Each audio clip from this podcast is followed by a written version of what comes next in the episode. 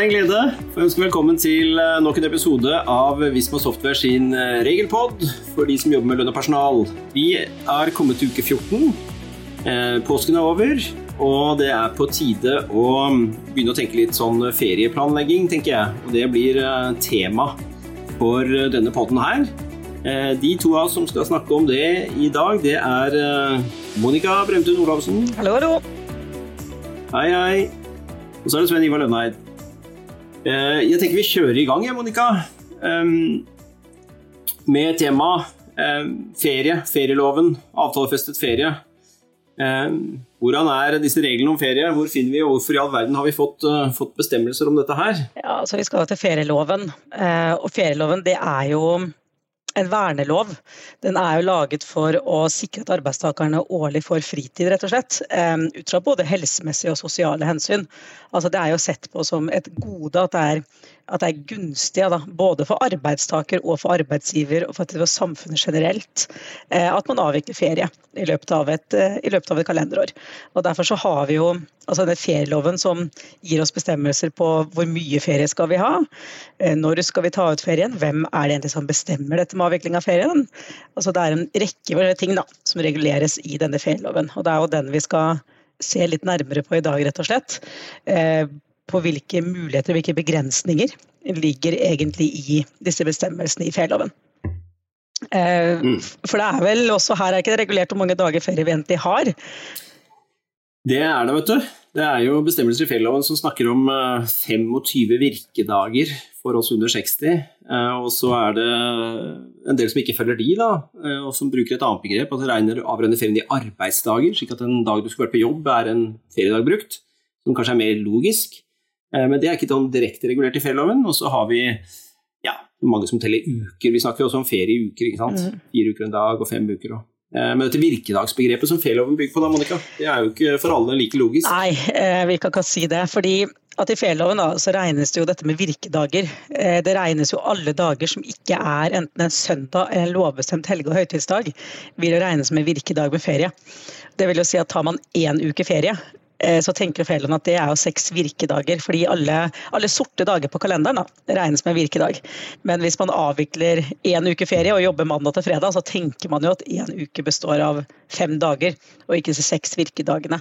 Så det er jo veldig mange som ikke velger, eller velger å ikke bruke da, det virkedagsbegrepet som finnes i ferieloven, og heller endre på det til faktiske arbeidsdager, og da feriere kun på arbeidsdagene.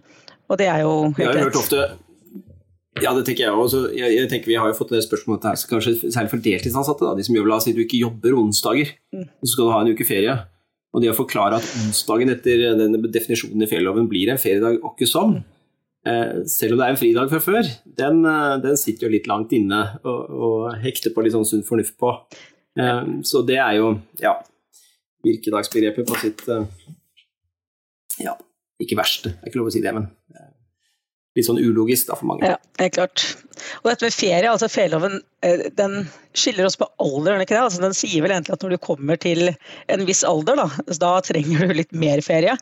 Eh, og det er vel også egne bestemmelser på det i ferieloven som ivaretar mm. denne gruppen spesielt. Og... Det er det. Da er jo, I Norge har vi jo 60 år. Eh, som er liksom aldersgrensen som, som, gir oss ut fra sånn helsemessig hensyn en uke ekstra ferie, da, som ferieloven regulerer direkte. Um, så, så, så, det er jo noe positivt ved å bli eldre med hensyn til feriebiten, tenker jeg. Eh, og vi får også litt ekstra feriepenger, altså 2,3% ekstra for denne uka for å dekke opp for, for det lønnstapet vi da har eh, for den ferieuka også. Så blir jo feriepengeprosenten 12,5 i utgangspunktet, opp til 6G. Mm. Eh, men men det, alt dette reguleres jo av ferieloven, men det er vel ikke all ferien vi har for de aller, aller fleste norske arbeidstakere som på en måte er regulert av ferieloven heller? Nei, vi har jo gitt oss selv noen avtaler, har vi ikke det? det er mer, flere. Veldig mange i Norge i dag som har avtalefesta ferie. Altså Ferieloven gir oss jo hvis vi ser bort fra dette med alder, tilleggsferie pga. alder, så er det jo fire uker og én dag som er regulert i ferieloven. Men det er jo veldig mange i Norge i dag som har fem uker ferie. Og årsaken til at de ikke bare har denne potten som ferieloven gir oss, det er jo at de har en avtale som gir bedre rettigheter. Og som jeg sier, Ferieloven er en vernelov, og utgangspunktet er jo at man kan ikke avtale dårligere ordninger enn hva ferieloven oppstiller, med noen unntak i paragrafene. Eh, men dette å gi mer ferie enn hva ferieloven oppstiller. Dette anses jo som et gode for arbeidstakerne og, og tillates jo. Eh, så veldig mange i Norge har f.eks. fem uker ferie, er vel det vanligste vi ser. Eh, når man avtaler bedre rettigheter her, er jo på en måte at man gir fem uker ferie, og så gir man en høyere feriepengeprosent. Og mm. mm. det man skal være klar over da, det er jo at disse bestemmelsene som vi snakker om nå, eh, som er i ferieloven, de regulerer jo kun ferielovens feriedager. Denne fire uker og én dag pluss ekstra ferie på alder.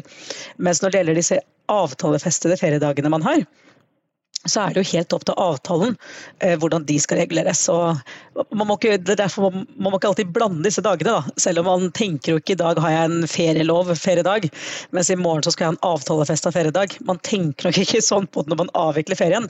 Men som arbeidsgiver så er det jo ganske viktig å være bevisst på at det er en forskjell på feriedagene. Ferielovens feriedager reguleres av ferielovens, eh, ferieloven, mens de avtalefesta feriedagene de reguleres jo av avtalen og vil jo ofte kunne håndteres på en noe smidigere måte da, enn hva ferielovens mm. feriedager kan, um, kan håndteres. Mm. Jeg tenker En praktisk vinkling der er, som vi ofte er borti, det er jo dette her med hvor mange dager ferie kan man flytte over fra et år til et annet. Mm. Man kommer ved årets slutt og har igjen feriedager. og Der er jo dette med at man har avtalefestede feriedager som da det ikke er noen begrensning på etter ferieloven, som gir et tillegg at du kan flytte de i tillegg til de to ukene ferieloven som hovedregel opererer med. Det er jo én ting. Det å kjøpe ut feriedager ved årets slutt, det er det jo slutt på når det gjelder ferielovens feriedager. Mm. Eh, men der er det jo, hvis avtalen man har lagd for disse ekstra feriedagene er åpne for det, så, så, kan man jo kanskje gjøre det og slette de og kanskje utbetale penger for de isteden. Så det, det, er en del sånn praktiske som du er inne på der òg, å skille mellom dette her uh, i en del sånn, sånne situasjoner. Da, ja. Som kan være greit å ha med seg. Mm. Helt klart. Og det er jo på en måte ferieloven den verner jo som jeg sier, arbeidstakerne i veldig stor grad. Men man skal jo ikke heller glemme at ferieloven er jo også bygd opp på det prinsippet at det er arbeidsgiver som styrer virksomheten, det er arbeidsgiver som må planlegge driften. Så Derfor så ligger også i utgangspunktet dette med ferie og planlegging av ferie ligger jo hos arbeidsgiver og arbeidsgivers styringsrett. Så det er jo eh, i utgangspunktet da, opp til arbeidsgiver når skal ferien ta ut, hvordan skal ferien tas ut.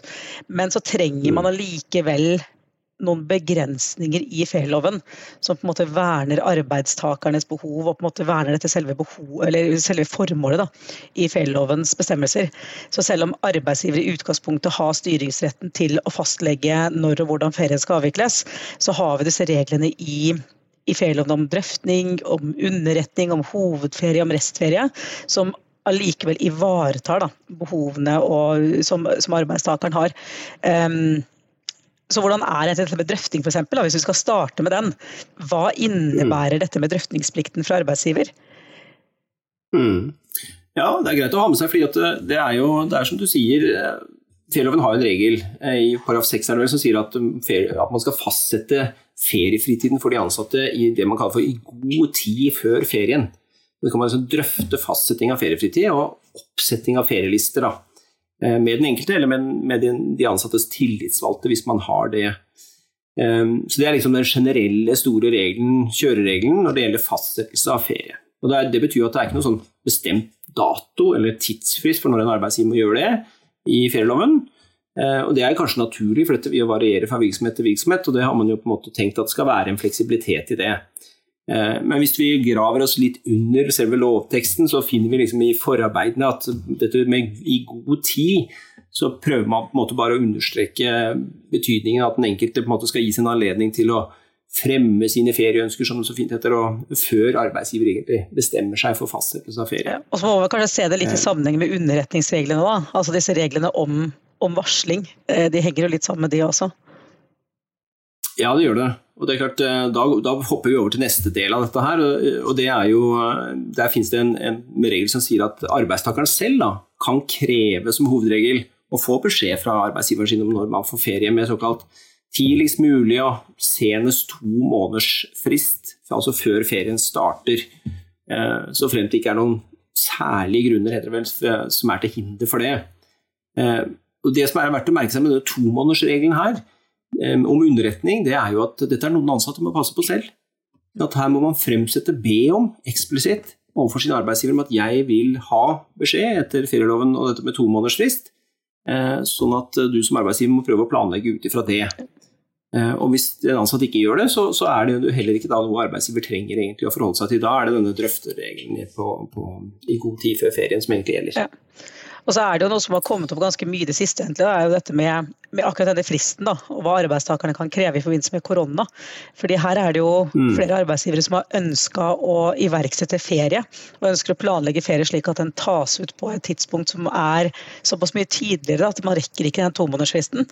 Er det en sånn type situasjon som man kan på en måte få unntak fra den tomånedersfristen på da, eller? Ja, det tenker jeg det kan være uh, fort vekk i en bedrift. fordi at denne Særlige grunner som er til hinder for å gi to måneders varsel, det er nettopp sånne driftsmessige forhold i bedriften man tenker på da. Og det er klart at Koronasituasjonen kan for en del virksomheter innebære det. Det kan være ting som uh, gjør at man ganske raskt må snu seg på, på i forhold til nedleggelse, nedstenging, myndighetspålagt, kanskje lokalt nedstenging osv., som vi kjenner godt til. Og Det vil selvsagt kunne gi en, en, en et, tenker jeg, et, sånn, et, grunnlag for en arbeidsgiver til å si at sorry, men altså, jeg greier ikke denne tomånedersfristen. Eh, så svaret på det tenker jeg er ja, i, i det konkrete tilfellet. Mm. Hva med formkravene? Hvordan, eh, hvordan skal man varsle? Sier ferieloven noe om det? Hvordan varslingen skal skje? Ferieloven stiller egentlig ikke noe formkrav, sånn sett. Så her er det litt opp til arbeidsgiver å finne en hensiktsmessig måte å gi beskjed på. Eh, og for mange så vil sikkert det være over en, at man sender av sted en mail, eh, som jo er, kan man dokumentere i ettertid. Altså det, jeg tenker det er viktig det at man på en måte kan dokumentere at man har gitt beskjed da, innenfor tomånedersfristen om hvordan man gjør det for arbeidsgiver finne ut av i forhold til hva som er praktisk ja. for, for, arbeidsgiver, tenker jeg. Det er, kanskje, men det er kanskje greit som du sier da, merke at man bør gjøre det på en måte hvor man kan eh, bevise i etterkant, altså man kan vise til dokumentasjonen at det er faktisk ikke informasjon. Gjør man det bare muntlig, ja. så vil jo det plutselig kunne skape unødvendige da, utfordringer for, for arbeidsgivere. Så handler det om en form for skriftlig dokumentasjon, det vil vel alltid lønne seg, tenker jeg, i forhold til arbeidsgivernes behov her. Ja, det tenker jeg er uh, veldig smart. Og de fleste, jeg tenker Vår erfaring er vel at de fleste arbeidsgivere er flinke til dette her og har på en måte gode rutiner som de følger når det gjelder feriefastsetting, som ivaretar disse greiene her. Så, så, det er bra. Men det er jo flere ting som på en måte påvirker når en ansatt får ferie i løpet av året. Vi har jo, Selve ferieloven har jo delt opp uh, feriedagene i to, gjerne. Uh, to hovedbolker. Da. Det er det som heter hovedferie og restferie. Og Det kan vel ha en betydning Monica, for, for når en ansatt får ferie ferien sin i løpet av året? Ja, fordi altså, Ferieloven gir jo arbeidstakerne visse rettigheter som altså, begrenser styringsretten til arbeidsgiver. Da. Både med bestemme når ferien skal tas ut og hvordan den skal deles opp. Og Den viktigste begrensningen her ligger jo nettopp denne hovedferieperioden. og Det er jo den vi nærmer oss nå. Eh, og Den er ganske lang. Den går jo fra 1.6 til 30.9. Og innenfor den perioden så kan arbeidstakeren kreve at tre uker ferie gis i sammenheng. Eh, kan altså ikke bestemme når i denne perioden, men man kan kreve at det, tre, at det er tre uker, og man kan kreve at de tre ukene skal være i, i sammenheng. Eh, men hvis arbeidsgiveren da f.eks. sier at ok, det, det, fikser vi, du får de siste tre ukene i september, så har jo egentlig arbeidsgiver fulgt fjellovens bestemmelser på det. Um, og så har vi det som heter restferien. Og det er greit at man ikke tenker at restferien er noe man må avvikle etter hovedferien. Den kan fint avvikles før hovedferieperioden. Det er bare en, måte en betegnelse på de dagene som er igjen, da, hvis man ser bort fra hovedferieperioden. Og Det man har igjen da til ferieloven, det vil jo da være én uke og én dag.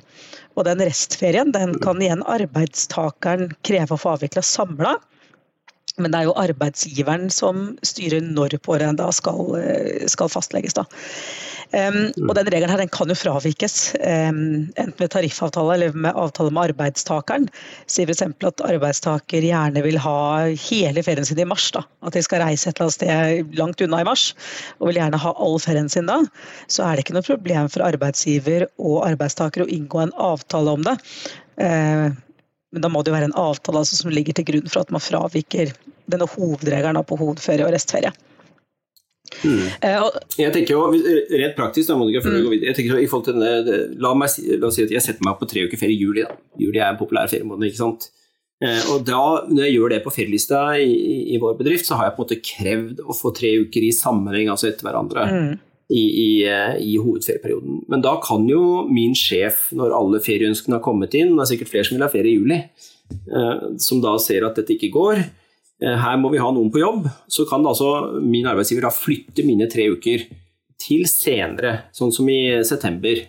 Eh, hvis det er så lenge det er innenfor hovedferieperioden. Ja, for da har man jo, har man jo oppfylt dette vilkåret om hovedferieperiode. Og, og, hvis vi skal se på disse drøftingsreglene, så er det jo akkurat det det er. Det er en drøftingsregel, men hvis partene ikke blir enige, så er det jo arbeidsgiver som er den som har styringsretten. Så det er jo arbeidsgiver som bestemmer når denne ferien skal avvikles. Så lenge man holder seg mm. innenfor denne rammen for hvilken periode er egentlig hovedferieperioden. Um, mm. Og det her skjer jo stadig vekk, det at man må ta denne type litt tøffe valg. da, Og at si til en arbeidstaker at i år så får du dessverre ikke den ferien du ønska deg. Men kanskje da er det den personen som får det neste år, da. Eh, og hva slags eh, politikk man har i, i, virksomheten på det, det er jo opp til den enkelte virksomhet. Men fjelloven opp, oppstiller på en måte minimumsvilkårene da, som man må mm. fylle. Og så er det disse ekstra ekstra ukene, eller ekstra dagene man får pga. alder. Eh, ene er på en måte mm. ekstra feriefritid man får pga. avtaler. Det vil jo følge avtalene, hvordan de skal håndteres. Men så har man også den ekstra feriefritiden som man får pga. alder. Men hvem er det som bestemmer når de, ta, når de dagene skal avvikles da? Ja, det, er jo interessant, da, for der snur fjelloven litt på mm, ting på hodet. Eh, og sier vel egentlig sånn indirekte at når du blir 60 år i Norge, så har du vel noen en alder som gjør at du kan ta noen beslutninger selv, kanskje. Eh, og det betyr i praksis at du, eh, du i realiteten bestemmer det selv som arbeidstaker. Akkurat for denne siste denne uka for du får over 60 år. Det eneste du må passe på, er å varsle arbeidsgiveren din med minimum to ukers frist. Da. Og Det betyr jo at du kan gjerne legge den uka sammen med de tre i hovedferien f.eks. Hvis du ønsker det, for å få enda litt lengre ferie i sammenheng. Det er en mulighet. Eller du kan legge det til et helt annet tidspunkt. hvis det passer deg bedre. Det bestemmer arbeidstakeren selv. Ingen ulempebegrensning for bedriften eller noe sånt her. Så her, du, her er du som ansatt sjef, altså. Det vil jeg egentlig si, da. Altså, hvis dette er en arbeidstaker over 60 år som hadde søkt med seg tre ukene ferie i juli, og hadde fått beskjed om at dessverre, det passer ikke, vi må ha noen på jobb. Så tenker den bare sånn det er greit, men jeg har denne ekstra uka med i pga. alder. Den kunne man vel da lagt i juli uten at arbeidsgiveren da kunne protestere på den fastleggingen der. Mm. Det kan du. Men kan de velge, da? Det er jo mange seksåringer som sier at vet du, den ekstra ferieuka den, den, har jeg ikke lyst på. Jeg vil mye heller være på jobb. Jeg, jeg tar gjerne de, den ekstra feriepengeprosenten jeg får. Den tar jeg gjerne utbetalt. Men eh, ferien den har jeg ikke så lyst på. Har, har de valget? Kan de si nei takk? Nei. Det kan det ikke. Her kommer ferielovens eh, fem nummer to inn og sier at det er på en måte arbeidsgiverens plikt å sørge for at den uka tas hvert ferieår. Og det er heller ingen ekstra dager å føre over til neste år. Eh, fordi om du er over 60 år eh, etter ferieloven. Så det er disse to ukene som hovedregel. Så det betyr jo at den uka må tas i ferieåret, egentlig. Og det er eh, ikke et valg du har, altså. Den skal avvikles hvert år. Ja. Så, så der, er det, der er litt strengere regler. Den må tas, men du bestemmer i all hovedsak selv når du tar den i løpet av året. Det er vel oppsummert.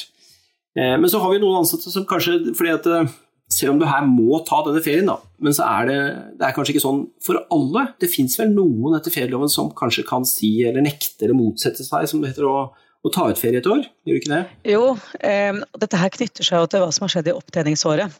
Og her ser vi at det er mange som misforstår, fordi mange tror at dette opptjeningsåret og Opptjeningsåret det er året før ferieåret.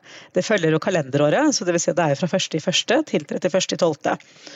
Eh, og så er det mange som tror at i opptjeningsåret så opptenner man seg rett til feriedager. Men det er jo ikke helt sånn det er. fordi det man opptenner seg i opptjeningsåret, det er jo feriepenger. Eh, man opptenner seg aldri disse feriedagene. Når man kommer til et nytt ferieår, så vil man jo få full pott med feriedager, helt uavhengig av om man har jobbet eller hvor mye man har jobbet i opptjeningsåret. Så dette retten til ferie, det har ingen sammenheng med opptjeningsåret. Men plikten til å avvikle ferie. Det blir plutselig knyttet opp til hva som har skjedd i opptjeningsåret. Fordi i opptjeningsåret så opptjener man seg jo feriepenger. Og når man avvikler ferie, så mottar man jo ikke lønn. Grunnen til at man opptjener seg feriepenger, er jo for at det skal kompensere for lønnsbortfallet under ferien. Rett og slett så man har råd til seg, råd til å avvikle ferien sin. Um, og hvis man har manglende feriepengeopptjening, da, hvis man ikke har nok feriepenger til å dekke lønnsbortfallet under ferien, da er faktisk arbeidstaker i en sånn situasjon at han kan motsette seg å avvikle ferie. Eh, man kan jo ikke motsette seg å avvikle all ferien, da. Man kan kun motsette seg å avvikle den ferien som man ikke har feriepenger til å dekke lønnsbortfallet for.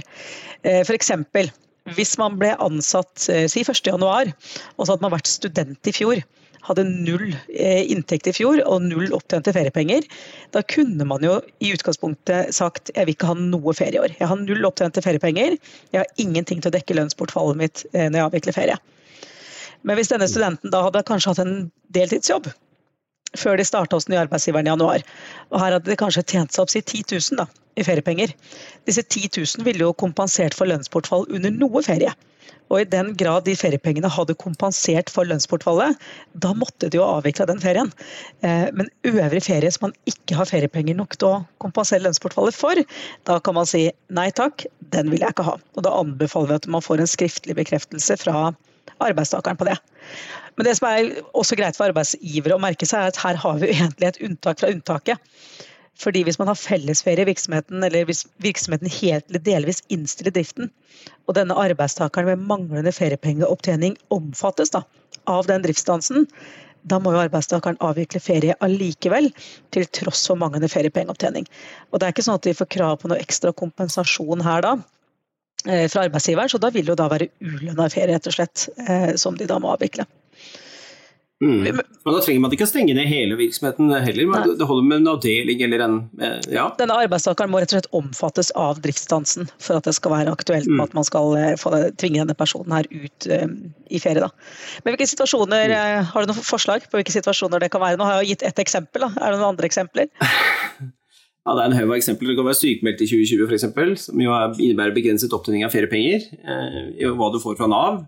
Du har jo feriepenger og arbeidsgiverperioder, og så har du vel 48 første søndagsdagene som det beregnes feriepenger av, og så er det jo stopp.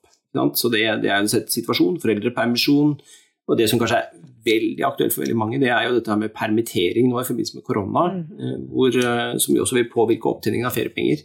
Så, så, jeg tenker det er en rekke situasjoner som på en måte gjør at man havner i en slik situasjon som det, og får denne rettigheten da, til å nekte å avvikle ferie hvis man ønsker det, fordi man taper penger på det. Og Selve reglene er jo ikke så veldig vanskelig, for det er, det en ren sånn Regelen spør ikke om hvorfor du har lite opptjening av feriepenger sammenlignet med et normalår. Det, det, alle disse situasjonene omfattes jo, så jeg bør ikke tenke så mye på det. Man skal se på beløpet totalt med feriepenger opptjent i 2020 nå, og så skal det liksom sammenlignes med dette brutto lønn. Hva ville du fått utbetalt i ferieukene i 2021 hvis du hadde vært på arbeid? Eh, brutto fra arbeidsgiveren din. Og hvis lønna di der er høyere enn feriepengene opptjent fra i fjor, ja da er du en arbeidstaker uten full opptjening, og så kan du nekte for differansen der feriepengene er mindre enn en brutto lønn eh, i ferieukene. Det er jo liksom essensen i det. Og dette kan jo f.eks. være en person som faktisk var ansatt hos denne arbeidsgiveren i hele fjor, men kanskje de hadde en lavere stillingsprosent, da, siden de var ansatt i fjor med 50 mhm. stilling, og så kommer vi til et tidspunkt hvor ferien skal avvikles i år, og så har de gått opp til 100% stilling. Da vil jo heller ikke alle feriepengene fra i fjor kompensere fullt ut for, for um, lønnsbortfallet, og det vil jo også være en situasjon hvor man kan nekte det å avvikle. Helt riktig. Så man gir egentlig litt sånn blaffen i hvorfor du har lite opptjening. Man spør bare har du det, eller har du det ikke. Eh, og det er, eh, er jo en regel, det er liksom vi kaller arbeidstakere uten full opptjening av feriepenger. Det er liksom det som er stikkordet for disse her. De har den rettigheten da, hvis de ønsker å bruke den. Men de trenger jo ikke. De kan si at jeg gir for disse kronene, jeg skal ha full ferie. ja. Mm. Så, og da har de rett til det på vanlig måte, for all del. Viktig å skille på retten og plikten. Ja, absolutt.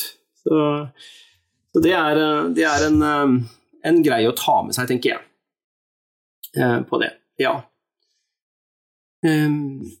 Skal vi, jeg tenker disse her med permittering, hvordan påvirker egentlig det ferieavviklingen? Har vi noen særskilte regler i, i, i ferieloven om permittering? egentlig? Ja, nei, altså dette med arbeidstaker som er permittert, der er det ikke noen særregler i ferieloven for de. Så det vil jo si at i utgangspunktet så må jo f.eks. ferie planlegges og avvikles på ordinær måte, som for alle de øvrige arbeidstakerne. Men der det kan få en betydning, det er jo rett og slett for arbeidstakere som har vært permittert i opptjeningsåret. For Hvis de har vært permittert i opptjeningsåret, så kan de jo ha manglende feriepengeopptjening. Og det kan jo da plutselig påvirke plikten til å avvikle ferie.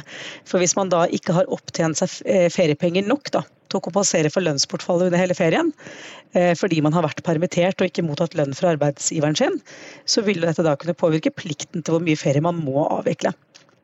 Eh, så igjen så må vi skille på dette med, retten og plikten. da. Men hvordan er det da? Kan de, kreve her da også å få avviklet full ferie hvis de f.eks. har manglende feriepengeopptjening? da? Eller hvis de nå blir tatt inn igjen i jobb etter å ha vært permittert lenge, så sier de at vet du hva, jeg vil, jeg vil være på jobb, jeg har ikke lyst til å ta denne ferien. Hvordan er mulighetene til å motsette seg å avvikle ferie her? Hvis man ikke ser på kun dette med manglende feriepengeopptjening, da, kan de kreve å få avvikla full ferie og kan de uh, si på en måte 'jeg vil ha full ferie'? Hva, hva, er forskjellen på de to, egentlig?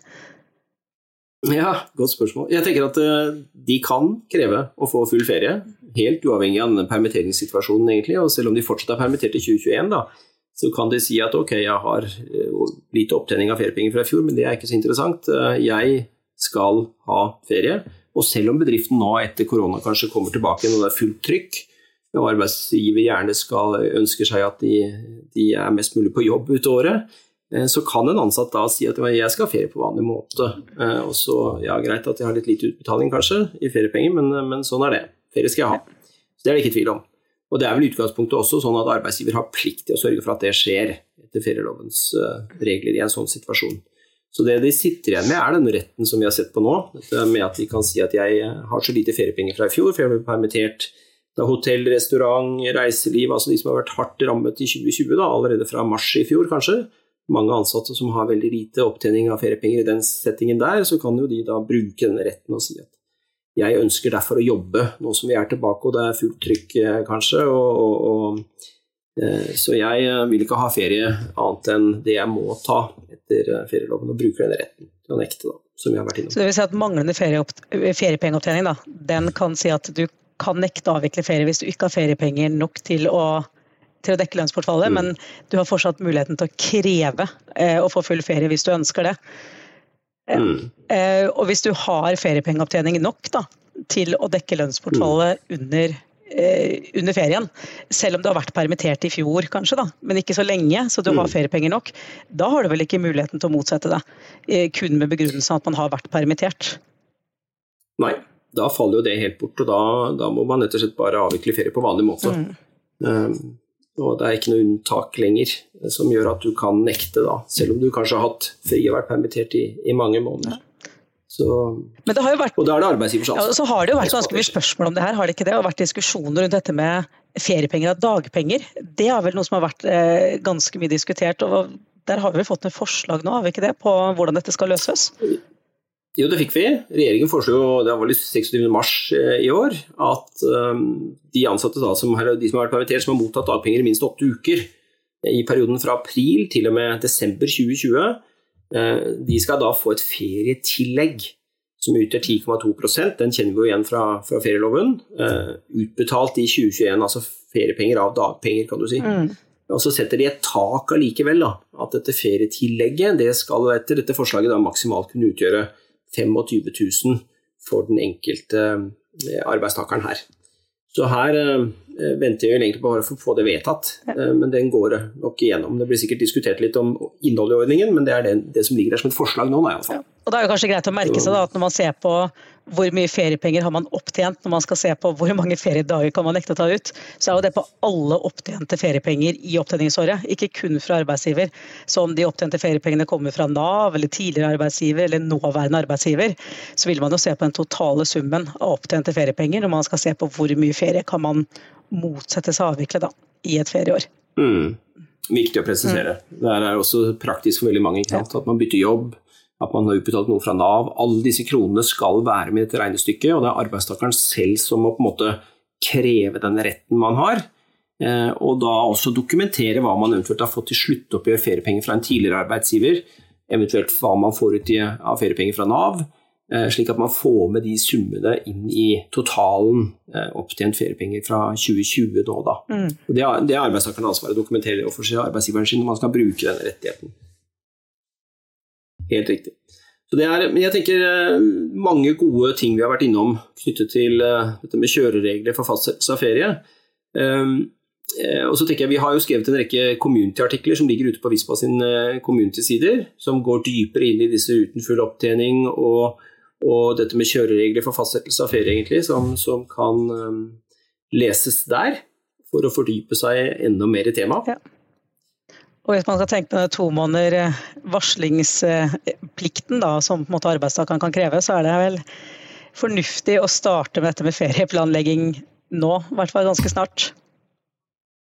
Ja, det tenker jeg det nærmer seg nå. Mm. Vi er kommet til uke 14, og, det er greit å få på plass uh, feriefastsettelse for de ansatte etter hvert, og at de kan komme med ønskene sine. Og, og, og, dette har de fleste bedrifter uh, tenker jeg, en veldig god praksis på, som vi var inne på før. Men, men det som gjør, gjør, det litt spesielt i år, er jo dette med at man kanskje har hatt ansatte permittert i fjor. Mange vil oppleve kanskje at de har flere som kommer inn under, uh, under headingen uten full opptjening, og har denne retten til å nekte å avvikle full ferie i utgangspunktet.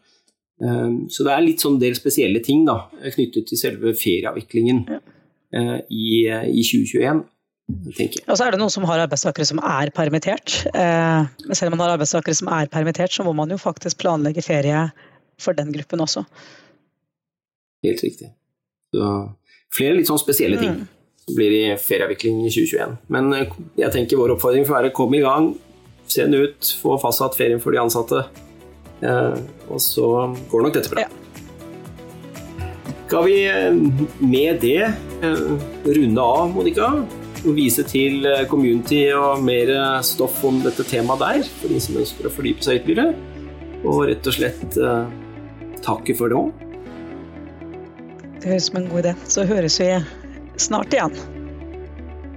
Det gjør vi. Ha det bra.